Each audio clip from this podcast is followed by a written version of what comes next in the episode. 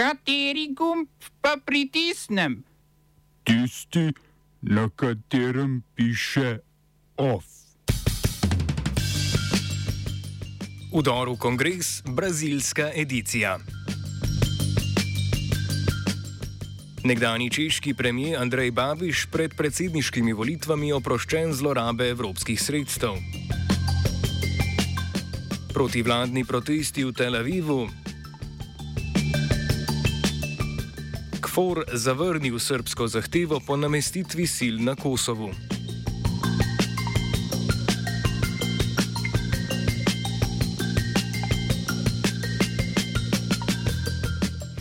Informativni program začenjamo v Braziliji. Teden dni po zaprisegi predsednika Lule da Silve so podporniki njegovega protikandidata na lanskih volitvah Žaira Bolsonara udrli v stavbe kongresa in ustavnega sodišča ter v predsedniško palačo. Za razliko od udora v Washingtonski kapitol 6. januarja 2021 so bile tokrat stavbe prazne.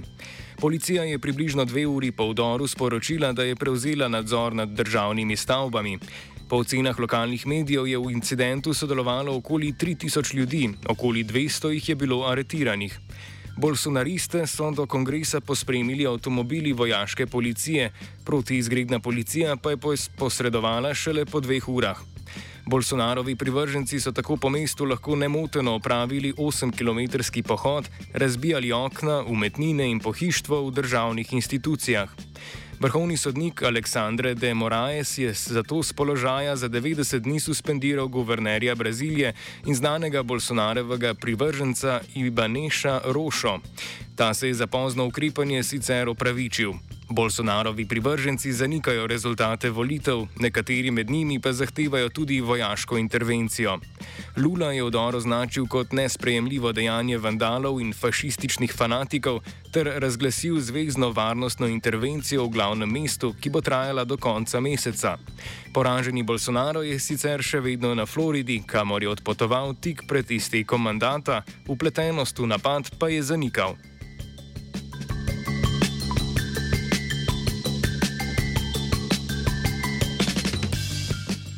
V Tel Avivu je 20 tisoč demonstrantov protestiralo proti vladi Benjamina Netanjahuja. Protestirali so proti zakonodajnim spremembam, ki jih napoveduje nova vlada. Med njimi je denimo omejitev moči vrhovnega sodišča. Vlada napoveduje tudi širitev nezakonitih naselij na okupiranih ozemljih Palestine. Protestniki trdijo, da bo zmanjšanje vpliva vrhovnega sodišča pripeljalo do povečane agresije do palestincev, LGBT skupnosti in drugih manjšin.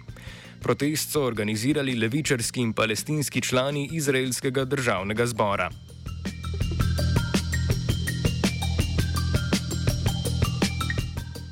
Generalni direktor izraelske policije je medtem policijskim poveljnikom ukazal naj uveljavijo prepoved nošenja palestinskih zastav na javnih mestih.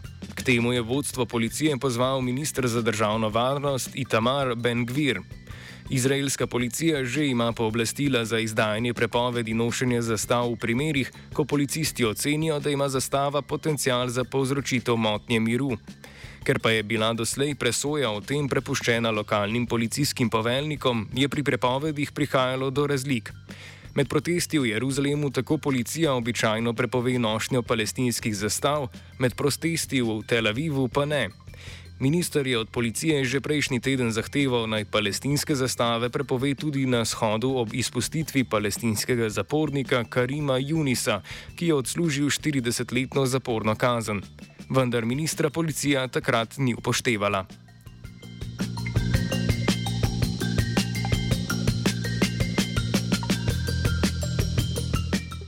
V 15. gre rado. Tako velja vsaj za republikanske predstavnike v spodnjem domu ameriškega kongresa, ki so izvolili predsednika spodnjega doma Kevina McCarthyja. Čeprav je na novembrskih umestnih volitvah republikanska stranka v spodnjem domu prevzela večino, se njihovi predstavniki niso uspeli poenotiti glede kandidata za vodenje doma. Manjša skupina skrajnih desničarjev, združenih v zboru za svobodo, je nasprotovala McCarthyju.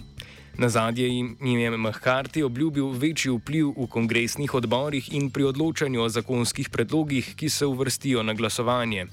Poleg tega je privolil v nižjo proračunsko porabo in v lažji postopek njegove zamenjave, ki jo tako lahko sproži že en sam predstavnik. Po izvolitvi predsednika spodnjega doma kongresa se je tako ta lahko tudi uradno konstituiral.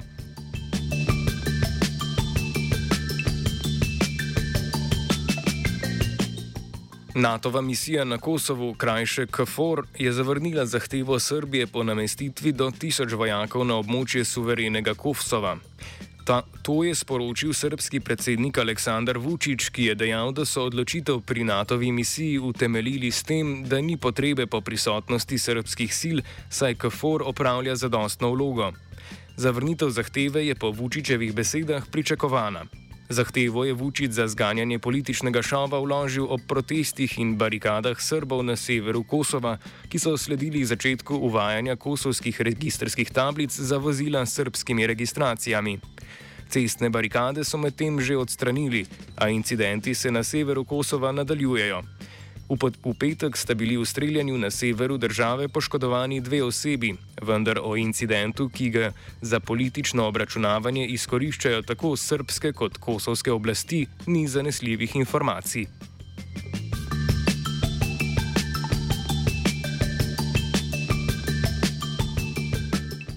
Sodišče v Pragi je nekdanjega češkega premijeja Andreja Babiša oprostilo zlorabe sredstev Evropske unije. Babiš je kandidat na čeških predsedniških volitvah, katerih prvi krog bo v petek in soboto. Sodnik Jan Šot je odločitev utemeljil s tem, da tožilec ni uspel dokazati, da sta Babiš ali njegov direktor kaznivo dejanje storila. Babiša je državni tožilec obtožil prikrivanja lasništva v svojem podjetju, s čimer naj bi storil goljufijo pri pridobivanju subvencij Unije za svoje turistično podjetje Štorklino gnezdo. To je namreč iz, izločil iz svojega holdinga Agrofert, da bi podjetje tako lahko financiral z evropskimi sredstvi, ki so sicer namenjena zgolj majhnim in srednje velikim podjetjem. Obtožbo je Babiš označil za politični pregon. Na javnomnenjskih anketah pred predsedniškimi volitvami je favorit, v prvem krogu se mu obeta 30-odstotna podpora.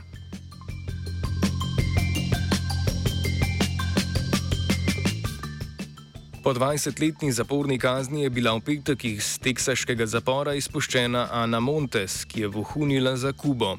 Kot nekdanja vodja ameriške obrambne obveščevalne agencije DIA je bila Montes ena najviše pozicioniranih uslužbencev obveščevalnih agencij v Združenih državah Amerike. Za DIO je Montes začela delati leta 1985, ukvarjala pa se je z analiziranjem Kube. Nekdanja agentka je priznala, da je iz moralne dožnosti predajala določene tajne informacije Kubi.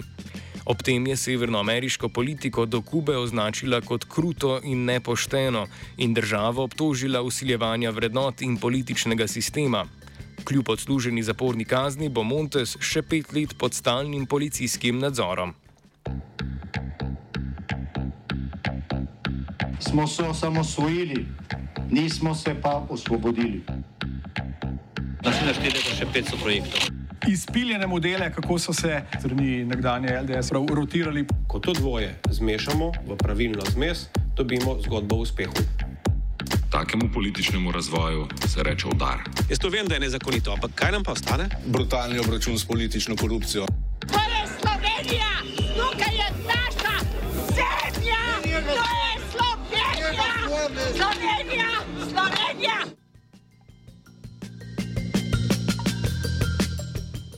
Na današnji izredni seji državnega zbora so se poslanci seznanili z odstopom dveh ministrov. Po referendumskem sprejemu zakona o vladi sta odstopni izjavi namreč podala dosedanja ministra za izobraževanje Igor Papič in za infrastrukturo Bojan Kumar. Kot novi poslanec je bil potrjen Andrej Kosi, ki je nadomestil dosedanjega poslanca SDS Janeza Mađarja.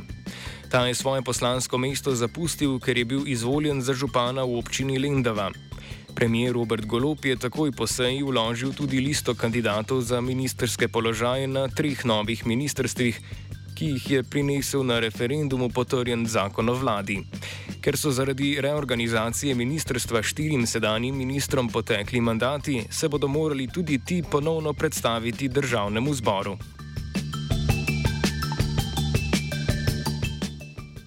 Off je pripravila vajenka Neva, mentoriral je Blaž.